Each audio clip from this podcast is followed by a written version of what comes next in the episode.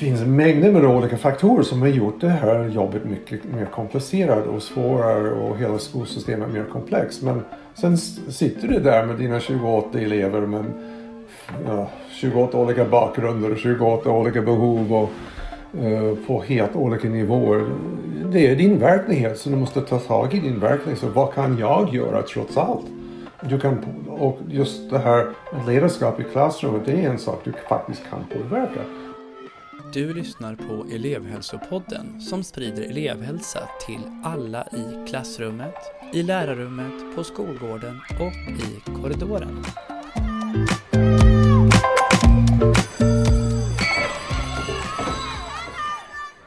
Hej och välkommen till premiäravsnittet av en helt ny podd, Elevhälsopodden, som leds av mig, Stefan Boström.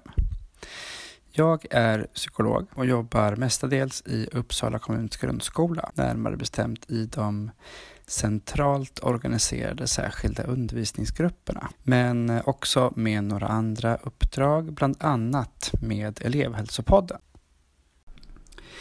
Ehm, och med mig och bakom mig så har jag också hjälp av centrala elevhälsan och eh, konsultativt stöd.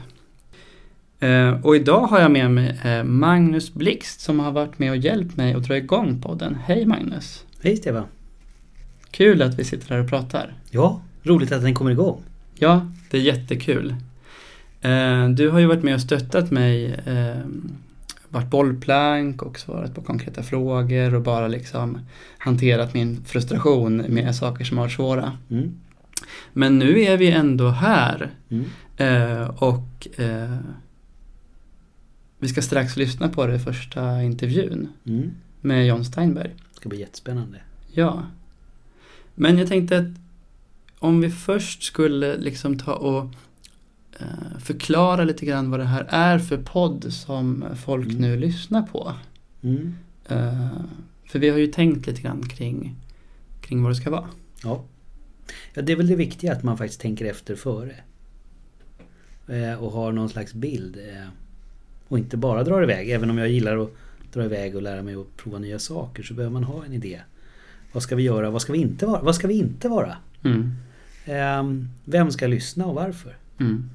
Och, och gillade verkligen när du kom med idén att, att en, en elevhälsopodd som vänder sig till alla som är intresserade av det. Så det är inte ett smalt fokus, de som jobbar inom det vi traditionellt hänvisar till elevhälsan. Utan snarare till de som jobbar i det som, eller alla de som borde jobba med elevhälsa, det vill säga alla. Mm. Eh, och, det, och det var mycket det som var liksom eh, en del av ursprungsidén. Att jag vill eh, göra det sprida det eh, budskapet om elevhälsa. Eh, eftersom jag själv tycker att det är ett otroligt eh, spännande område att jobba i. Ja, och så viktigt att det blir just något som vi alla får förståelse för. Och förståelse för vad kan vi göra? Vad kan jag göra? Vad är min pusselbit? Mm. Och vad är din pusselbit? Och vad många pusselbitar det var. Men, men eh, då, kan vi, då har vi större eh, möjligheter att lägga ett pussel om vi har bättre förståelse för det. Och jag tror att den här podden kommer bli en, en viktig bit i det faktiskt. Mm. Precis. Så jag tänkte ju att eh, jag vill lyfta vad elevhälsa är och hur det går till. Och sen så vill jag också jag vill också främja samarbete just mellan all skolpersonal, inte bara mellan psykologen och rektorn eller specialpedagogen och kuratorn. Utan att alla ska samarbeta mer och att alla ska berätta mer om vad de gör. Ja men det tror jag är jätteviktigt för vi har alla bitar i det här. Och lämnar vi, tänker vi att vi kan lämna över till någon annan. Det fungerar sällan särskilt bra. Eh, vi är, skolan är en helhet och behöver vara en helhet. Och då, då kan vi alla bidra med det här är min bit. Det här kan jag. Det här kan jag bidra med. Och vad kan du bidra med? Och, och så kan vi se vad vi matchar. Och det tror jag att den här kan skapa lite förståelse för det. Mm. Sen tycker jag att det är extra roligt att du börjar med en av mina stora idoler som är John Steinberg. För han är ja. så klok. Berätta. Jo, men jag har, det, det har, han förelä- en av de första föreläsarna jag träffade på på skolan och jag blev helt såld. Men jag hade också läst några böcker så jag har läst väldigt mycket böcker och mm. följts åt. Och han har ju en gedigen grund i att faktiskt vara lärare. har varit rektor, har varit fritidspolitiker, har varit forskare, Dr John liksom. Mm. Så han har liksom väldigt många strängar på lyran. Han har skrivit så många böcker så att det, det jag vet inte hur många de är. Eh, och väldigt handfast. Mm. Så här vänder man en klass. Liksom. Mm. Det, det är väldigt handfast men ändå också på en övergripande nivå. Så att han, han kan röra sig mellan alla nivåer men ändå tala till en som att aha, nu fattar jag. Mm. Lektionen är helig. Ja, det är lätt att säga. Mm. Och det säger han och skriver. Men sen säger han också, och hur ska vi göra den helig? Mm. Du måste tänka på det här. Och det här kanske du ska prova nästa. Alltså, jag gillar den här mixen mellan det konkreta och det som han har. Och så Mm. står han ju för ett tydligt ledarskap med eleven i fokus. Precis, för det är ju det som är det första temat för elevhälsopodden, eh, ledarskap i klassrummet. Vi har ju tänkt att vi ska försöka ha teman eh, just för att eh, man ska inte bara få ett perspektiv, inte bara John Steinberg, utan man ska få andra perspektiv eh, och från olika eh, infallsvinklar och nivåer på ett och samma tema. Ja men då blir det ju en riktig förståelse. Mm. Eh, för det är komplext. Ja. Och, och många aspekter. Och det är, väl, det, det är väl jättebra att man får borra lite i det. Ja, precis. Borra, det var ett bra ord. Så jag tänker att eh, vi, eh, vi lyssnar på intervjun med Ja. John Steinberg. Ja, Och sen så hörs vi igen det tycker jag. om vad det var han sa. Ja, Mm. det låter bra. Toppen!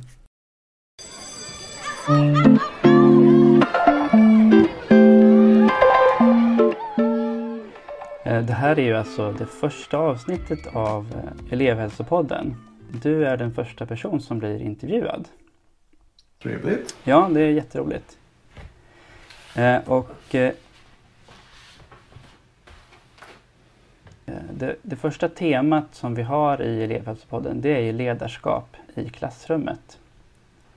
Eh, och jag tänker att ett bra ledarskap i klassrummet det är ju ett av fundamenten i ett välfungerande elevhälsoarbete. Och jag vet ju att du håller på med det här med ledarskap i klassrummet. Mm. Men kan inte du presentera dig själv John? Eh, vem du är och vad du pysslar med till vardags? Mm. Ja, John Steinberg. Jag är ju, har bakgrund som skolforskare, en allmän didaktiker. Jag har alltid varit intresserad av eh, det förebyggande arbetet i grupper. Och vad eh, framgångsrika pedagoger gör rätt. Eh, Jag doktorerade en gång i Uppsala på eh, skolans roll i, i barnens eh, sociala och emotionella utveckling. Och eh, även mitt första jobb var som skolpsykolog på, i Uppsala faktiskt. Okej, det visste jag jobbade med, ja visst, jo, jag jobbade med samtalsgrupper. bland både elever och personal. Um, ja, sen uh, jag fick ett lektorat i, Upp- i Örebro så småningom um, efter min tid i Uppsala och um, frilansat, föreläst, skrivit många böcker och uh, jobbat som rektor några år i Örebro. Men senare år fokuserat på föreläsningar och, och böcker. Just det. Och jag har precis läst din bok Ledarskap i klassrummet. Mm. Så den har jag top of mind. Okej. Jag tänkte vi skulle eh, inleda det här ledarskapspratet eh, genom att fråga dig om du skulle kunna berätta om ett minne som du har av en riktigt bra ledare som har gjort intryck på Mm. dig. Och hur gjorde den personen? Ja, alltså jag blev väldigt påverkad av några av de pedagoger som um, jag hade förmånen att samarbeta med under min rektorstid. Um, uh, framförallt ehm, en som Marie hette hon som var 28 år när jag lärde känna henne. Hon hade en tvåa just då och gick i hennes klassrum. Och då märker man på en gång att det här funkar.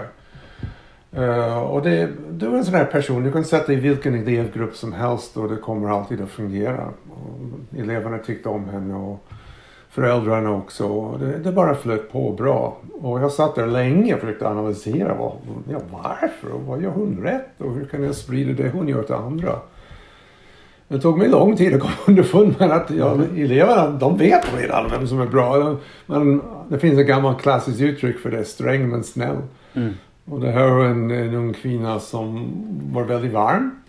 Um, snäll på det sättet att uh, alla elever kände att hon tycker om oss, vill vara där, trivs med sitt yrke. Hon fick en känsla att hon är glad att se oss och, och vill mig väl och vill oss väl. Mm. Men sen var hon organiserad upp till tänderna. Är plan A, plan B, plan C. Alltid väl förberedd och alltid uh, tydlig i sina instruktioner. Och den här kombinationen var magisk. Och kärlek, värme utan struktur fungerar inte. Men struktur utan värme fungerar inte för våra moderna relationsorienterade barn. Mm.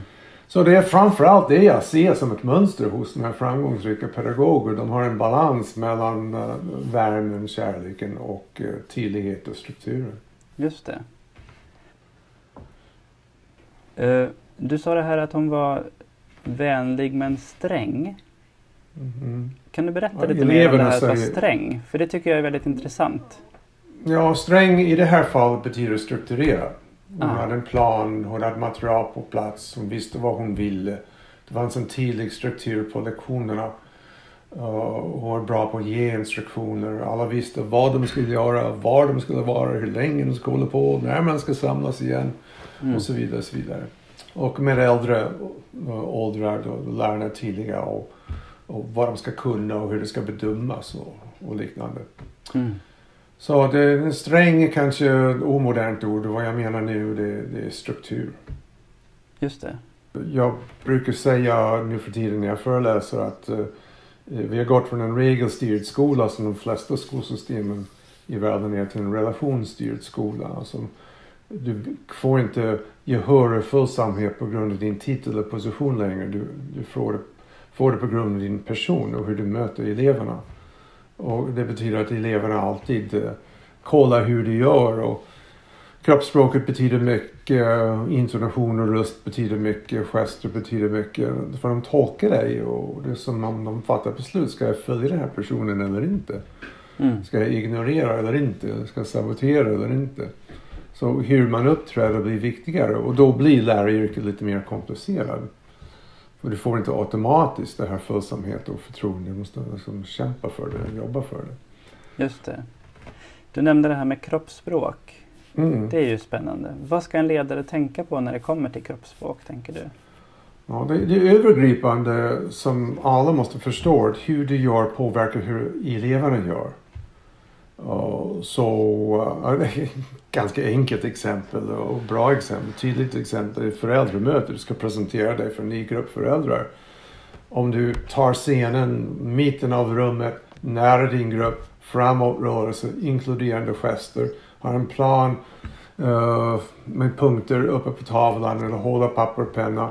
Alltså du ger ett auktoritativt och förtroendegivande intryck. Men när du pratar och du håller en stol eller backar ifrån gruppen och inte visuellt förklarar vad mötet ska handla om. eh, Då är det svårare att få gruppens följsamhet och förtroende. Och det är naturligtvis samma sak med, med, med lärare, hur man kommer in i rummet, gången, stegen, eh, var man står, hur man pratar. Du pratar för fort, du tappar bort folk. Du pratar för långsamt, du tappar bort Mm. folk. Hur man eh, tar olika platser på scenen för att förklara olika principer. Hur du markerar med gester och vad som kallas för frusna gester. Min nästa bok handlar om det här, så jag ska bara prata. Hela boken kommer att handla om lärarnas kroppsspråk. Eh, eh, eh, det är fascinerande och de små, små detaljerna har väldigt stor betydelse. Och det här tänker jag är ju att läraren eller ledaren i klassrummet behöver ju vara väldigt uppmärksam på vad den gör. Man behöver ju observera sig Mm. själv Ja. egentligen hela tiden och utvärdera. När jag hade den där tonen, funkade det? När jag gick på det Det- stället, funkade det- det? Det är det som är poängen. Jag menar, det är alltid så att läraren eller ledaren eller fritidspedagogen har ansvar för kommunikationen eftersom man är vuxen och eh, är ledare för gruppen. Så det, det är lärarna som måste vara mer uppmärksamma på hur deras beteende påverkar andras beteende. Mm. Så det fokus måste vara all, helst på ditt eget agerande.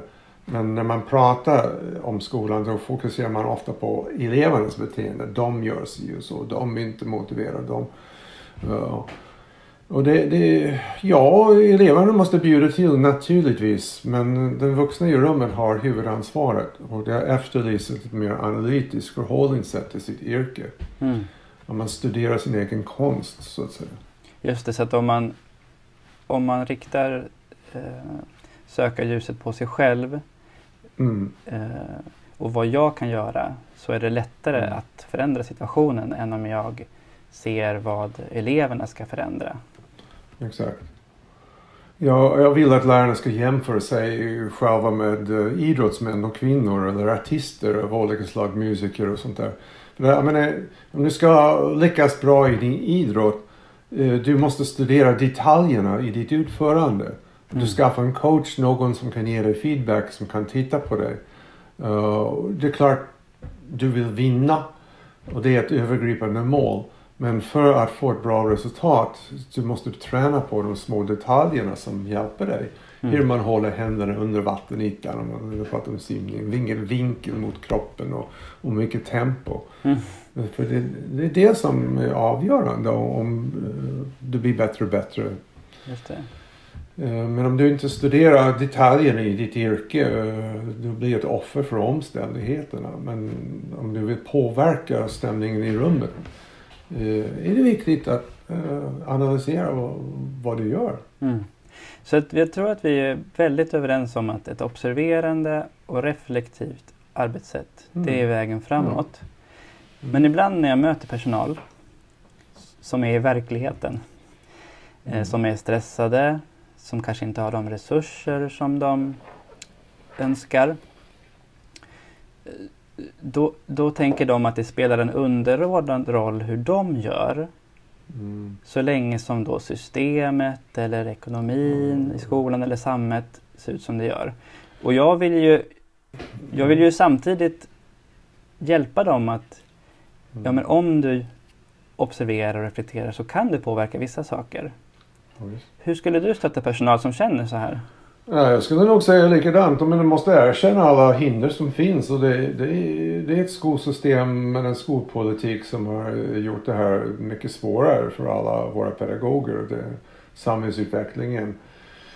Uh, det finns mängder med olika faktorer som har gjort det här jobbet mycket mer komplicerat och svårare och hela skolsystemet mer komplext. Men sen sitter du där med dina 28 elever med ja, 28 olika bakgrunder och 28 olika behov och Mm. eh, på helt olika nivåer. Det är din verklighet så du måste ta tag i din verklighet. Så vad kan jag göra trots Mm. allt? Mm. Du kan, och just det här med ledarskap i klassrummet, det är en sak du faktiskt kan påverka. Du kan påverka hur du talar, du kan påverka hur du står i rummet, du kan påverka dina gester, du kan påverka eh, hur du kommunicerar och går fram, du kan påverka hur du handleder, du kan, eh, du kan påverka en del föräldrar också för all del. Mm. Uh, arbeta med det men sen naturligtvis det blir bättre effekt om man pratar med kollegor om normsystem man försöker bygga upp och ja, ja, men till exempel i oroliga skolor det kan vara bra att ha gemensamma sätt att gå in och ut från rast. Mm. Um, Just det. hur det fungerar på rasterna påverkar hur det blir i rummet. Och sen upp till skolnivå, städningen och lokalvården, ja man klagar ofta på det och det har betydelse. Så, så vad kan man påverka? Eh, Svårare att påverka lokalvården, påverka att, uh, utsmyckningen av skolan eller målningar eller hur korridorerna ser ut, absolut. Och ännu svårare är påverka skolans ekonomi och och vem man har som elever och sitt upptagningsområde och lokalsamhället. Så Mm. alltså går från inåt, vad kan jag påverka till vad kan jag påverka i min korridor, vad kan jag påverka kollegorna, vad kan jag påverka för skolan, vad kan jag påverka samhället. Man måste börja, tycker jag i alla fall, att titta inåt. Men vad är det som är i korridoren som påverkar? Eh, Var uppstår konflikterna? Hur organiserar vi rasterna? Mm. Hur länkar vi över till varandra? Okej, nu har vi haft matematik med mig och nu ska vi iväg och ha historia eller idrott. Vad ska ni göra där? Hur funkar det? Mm. Man måste hjälpas åt. Det här är för komplicerat att bara lyckas på egen hand. Ja precis, för det är ju väldigt sympatiskt att man eh, som eh, ledare i klassrummet kan göra väldigt mycket. Men ibland har Mm. man ju en väldigt tuff arbetssituation. Man kanske får en svårare Mm. klass och sådär. Absolut, absolut. All mer anledning att samarbeta. Precis, och när, när ska man som ledare i klassrummet vända sig utåt för stöd från lärare eller elevhälsoteam eller så? Tänker du? Och när ska man liksom tänka, men jag fixar det här själv? Ja, nej men nu ska ni aldrig tänka att du ska fixa det här själv. Det här är för svårt att fixa allting själv. Du måste börja med dig själv och göra det. Men det är bra att ha en kollega att prata med och man observerar varandra då och då och pratar med varandra. Och sen är det kvalitet på samtal på ämnesgruppen eller arbetslagsgruppen och man inte fastnar i infrastrukturfrågor. Om vi bara hade större klassrum, om jag bara kunde lyfta ut de här eleverna, om vi bara hade bättre ventilation, om vi bara hade bättre datorer. Mm. Alltså det måste fokusera på pedagogik och, och, och sitt ledarskap i samtal med varandra annars kommer man ingenstans. Mm. I en svår arbetssituation. Just det, så att det är ett, det är ett teamwork helt enkelt. Uh, ja, och det var det inte. Yrket var ett ensamt yrke för. Man stänger dörren och kör det. Men eftersom yrket har blivit mer komplext och, och tiderna förändrats och behoven har förändrats. Då, det här kräver samarbete. Mm. Och det kräver en sårbarhet. Man måste vara sårbar. Kunna gå till mina kollegor och säga att ja, det här klarar jag inte. Eller jag behöver hjälp, jag behöver feedback. Eller att um, ja, upplever du samma dilemma och, och kan vi hjälpas åt med det här? Just det, att man behöver visa vad man tycker är svårt för att kunna utvecklas. Mm. Och kunna berätta också. Oh, jag gjorde den här lektionen i pass. Det funkade jättebra. Blev överraskad. Och vad gjorde du då? Så pratar man om det. Mm.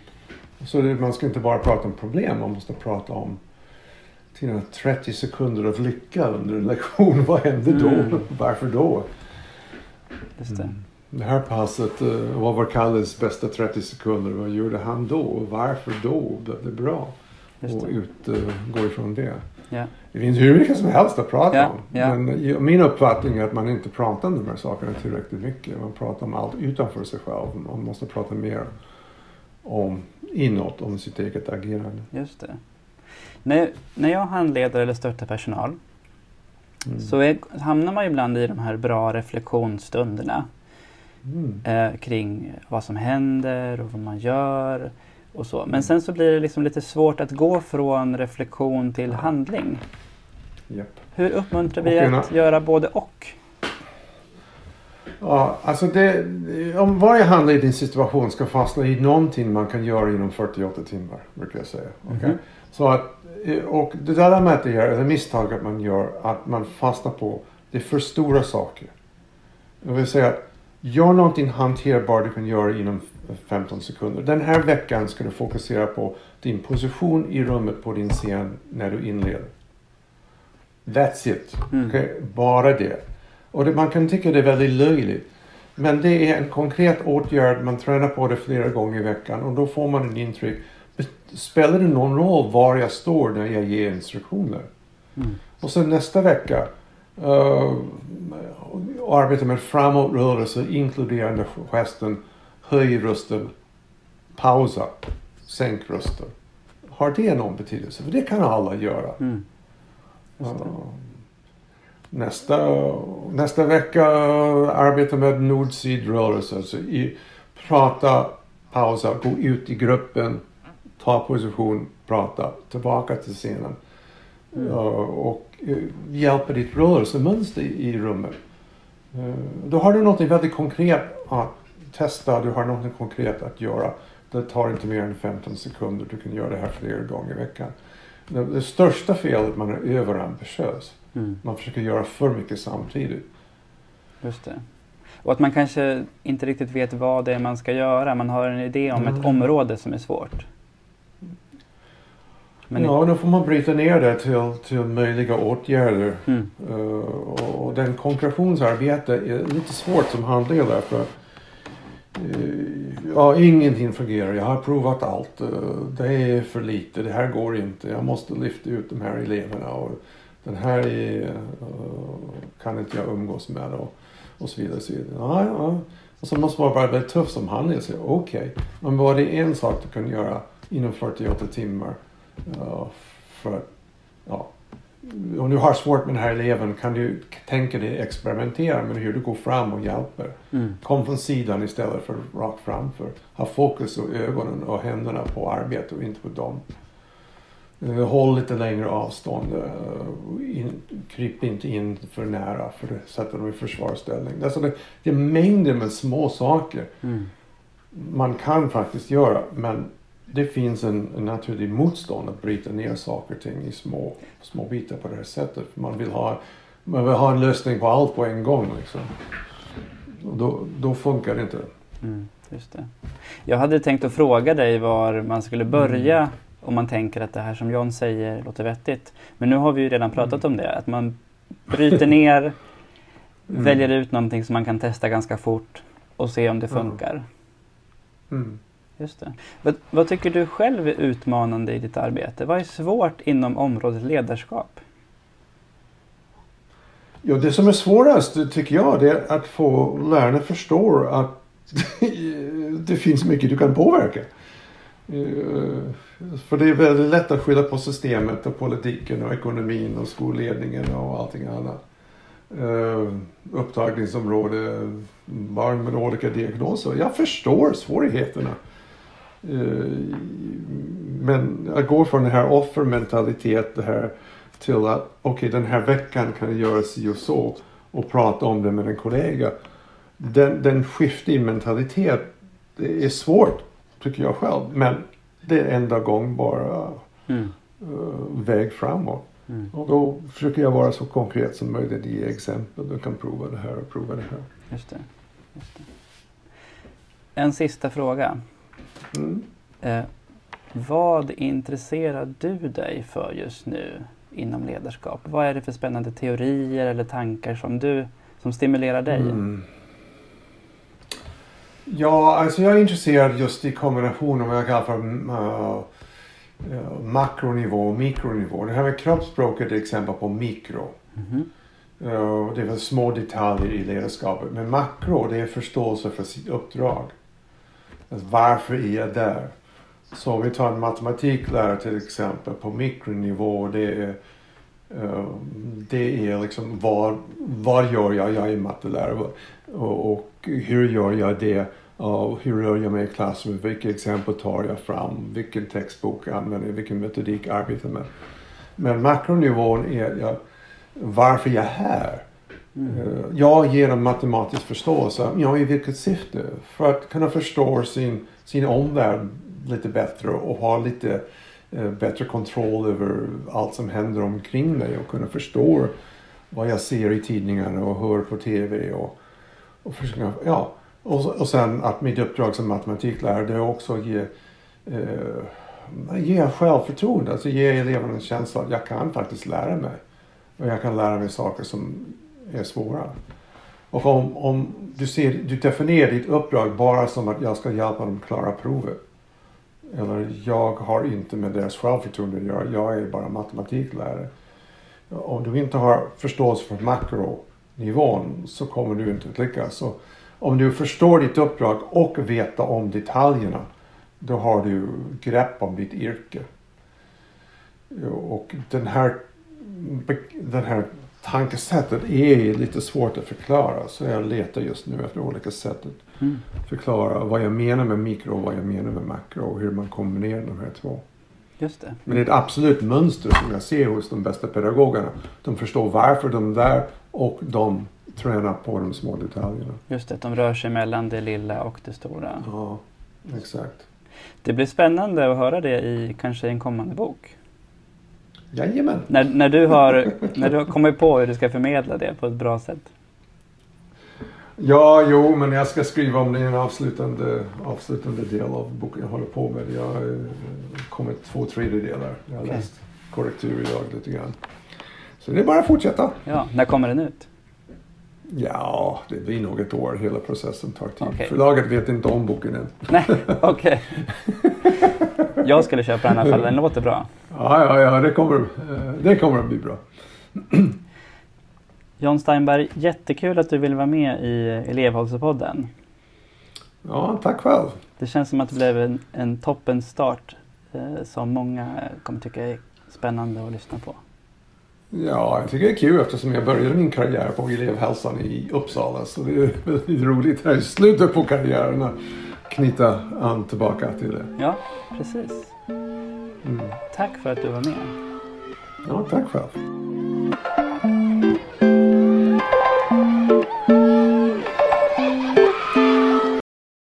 Okej, då är vi tillbaka Magnus. Mm. Vad, eh, vad tänkte du på när du lyssnade på John Steinberg och samtalet? Ja, men det är ju, alltså det, jag har ju hört honom eh, ett par gånger och läst mycket böcker och ändå så får man så här vad klok han är och det där var en aspekt till. Mm. Ja just det, det där ska jag tänka på. Ja. Ja just det, så där. Nu fick jag ju Ja. syn på vad jag egentligen... Ja just det.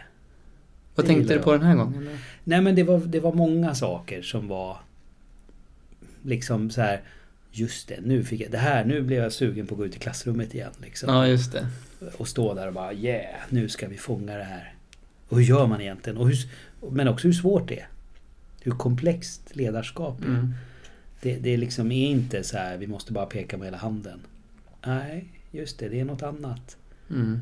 Eh, Men ibland måste man också, och balans, jag tycker han är balanserad också. Just det. I det här att det Det är ett träget arbete. Och, och vi måste förhålla oss till det. Mm. Ja, Mm. det, är, det är många elever. Ja, de har många behov. Ja, Mm. Mm. eh, så är det. Så vad gör vi nu? Ja men så vad gör vi? Och, och det är ju så det är. Så vad gör vi av det? Ja.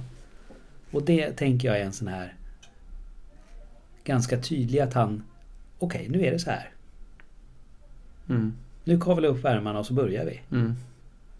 Jag slogs också eh, av eh, det här han pratar, han pratar ju väldigt tydligt, han pratar ju mycket om eh, kroppsspråk Mm. och hur man rör sig i klassrummet. Mm. Att det är de små detaljerna som är viktiga. Mm. Och att det kan vara så små saker som eh, hur du rör dig från eh, ja, din utgångsposition i klassrummet Mm. och tillbaka. Mm. Observera det i en vecka. Det tycker jag är jättespännande. Ja men och det tror jag. Jag har länge sagt att jag är ganska allergisk mot de här stora skolprojekten som Vi ska göra ett jätteprojekt av det här och, och, och ett EU-projekt och, och haken är att man säger då och det gör vi nästa termin. Mm. Eller nästa läsår. Det Mm. blir ju inte av. Vi fortsätter som vanligt. Nej. Men de här små projekten Sen behöver vi en del stora projekt också. En del behöver göras så. Men, men, men mycket kan man liksom skruva på. Mm. Och vi behöver göra båda dem. Men, men ofta kan man skruva på små saker. Mm. Eh, och då hittar man dessutom ofta andra saker också. Mm. Jag, jag, jag relaterar så väldigt starkt till det. Eh, och det är en helt egen association. Jag håller på med simning. Mm. Eh, jag har lärt mig eh, kråla på Mm. äldre dagar, vilket jag är jätte, jättestolt över. Mm. Det är därför jag säger den här podden. eh, och där är det ju så extremt viktigt med tekniken. Mm. För i början, eh, då drunknar man om man inte andas rätt. Mm. Eh, och sen så kan man inte simma 25 meter om man inte gör på rätt sätt. Och det, det handlar om de små detaljerna, hur du placerar armbågen eh, på en tiondel sekund, hur du tajmar vändningen. Mm. Och jag, det, jag gjorde den parallellen just kring att slipa på detaljerna. Mm. Och att det som händer i mig då är att jag känner så här hur det sprakar i hjärnan. För jag är så öppen för att Mm. lära mig och ändra saker och liksom observera, utvärdera, observera, utvärdera. Ja, och sen är ju haken att ibland har du säkert lärt in någon liten fel knix också. Och då ska man lära av den. Mm. Och det är ju svårare än att Ja. lära nytt skulle jag säga. Ja. Att sluta göra saker som, som ändå har funkat rätt bra, för du har ju inte Ja. drunknat. Ja, Så det har ju funkat att göra så här. Men ska du bli lite snabbare eller klara 50 meter, då måste du sluta göra det där som ändå har funkat. mm. För att göra något annat som fungerar ännu bättre. Mm. Och det är ju svårt. Ja men och där, för han är ju också, John är ju ganska mycket för det här att man liksom parar ihop sig med någon kollega. Mm. Och att man undersöker tillsammans. Dels Mm. att man kan ju observera sig själv men man kan också låta en kollega observera sig. Ja men det har jag ofta, alltså jag brukar säga det ibland när jag föreläser att den bästa kompetensutveckling jag fick som lärare Det var ju det året när jag fick vara resurs på mellanstadiet. Jag fick vara inne hos alla mina kollegor Mm. och se när de undervisade. Mm. Alltså jag fick ju se så många fantastiska exempel. Mm. Aha, så där kan man göra. Titta. Mm. Eller, och sen en del andra att oj då, så där ska jag aldrig göra. Nej. Eh, eller så där har jag gjort många gånger. Det Mm. var ju inget bra när Mm. man ser det utifrån. Så att det är ju, det är ju fantastisk kompetensutveckling. Alltså föreläsare i all ära. Men, men att se och, och prata med lärare om deras egen undervisning Mm. in action. Mm. Det, det är väldigt bra. Det är min erfarenhet. Men, men då funderar jag på en sista fundering som jag har, som Mm. jag vill testa med dig. Jag tycker väldigt mycket om det här att eh, Jo- John Steinberg, eh, han ger verkligen möjligheten för läraren att göra någonting direkt. Mm. Var väldigt så, ta, ta, ta rodret. Mm. Men jag tänker sen, hur, hur kan man skapa en kultur av att man gör så på en skola? För jag tänker att det, det är inte självklart. Och jag tänker att man kan börja det lilla. Inte, återigen, inte gör, gör inte ett jätteprojekt av det nästa år. Utan så här, börja och säg till kollegan, du jag har ju faktiskt en håltimme här på måndag. Kan jag få komma in till dig och kolla lite? För jag är Mm. nyfiken på det. Jag, du verkar jobba så bra med nyheter, hur gör du? De flesta blir ju väldigt stolta när man frågar. Mm. Och så får man kolla.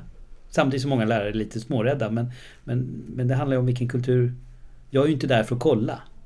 Utan jag är där för att för att liksom wow, det där var coolt. Och, Mm. det där. och sen kan man ju samtidigt fråga kollegan om den också vill ha. För, för som observatör ser man alltid saker som man missar som lärare. Mm. Mm. För man är fullt uppe i sin undervisning. Så man missar att Kalle satt och kastade lappar. Liksom. Det är inget konstigt. Eh, men, men, och det kan, men framförallt fokus här, wow, det här var coolt.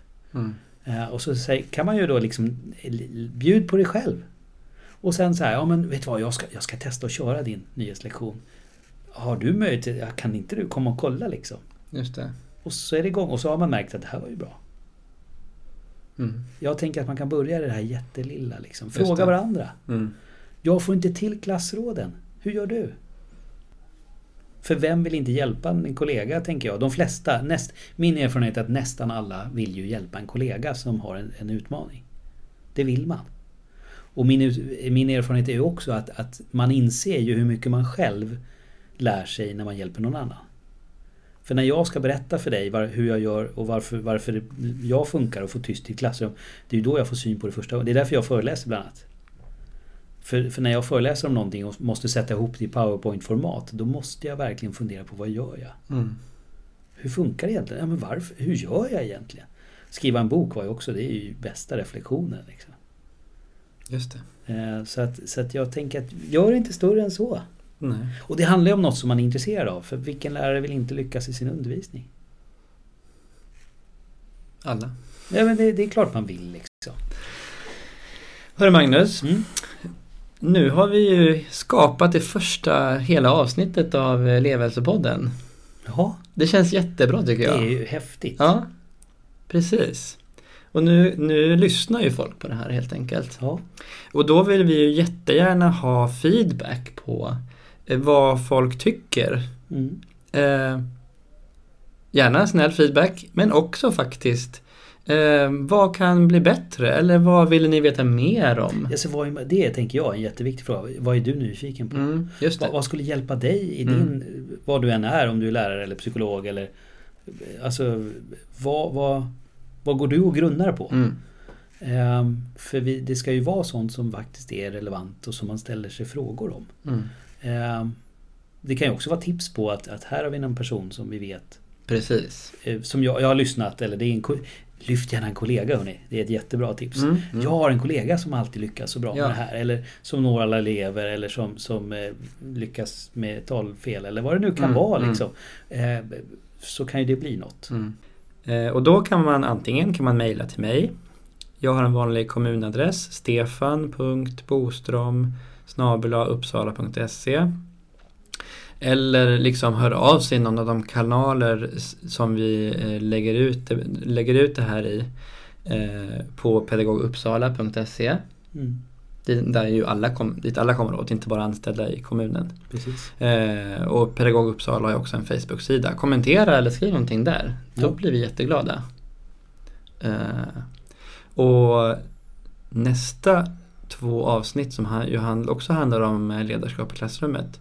Då kommer jag att intervjua en jättespännande förstelärare i kommunen. Jag ska inte säga vilken. Spännande. Och en väldigt duktig forskare som har forskat om Classroom Management. Ooh, Mm. spännande. Mm, det blir Nu blir jag nyfiken på vem också. Det får jag Ja, höra. ja, det får du höra. Ja, det får jag höra. Ja. Tack för att du var med Magnus. Tack så mycket.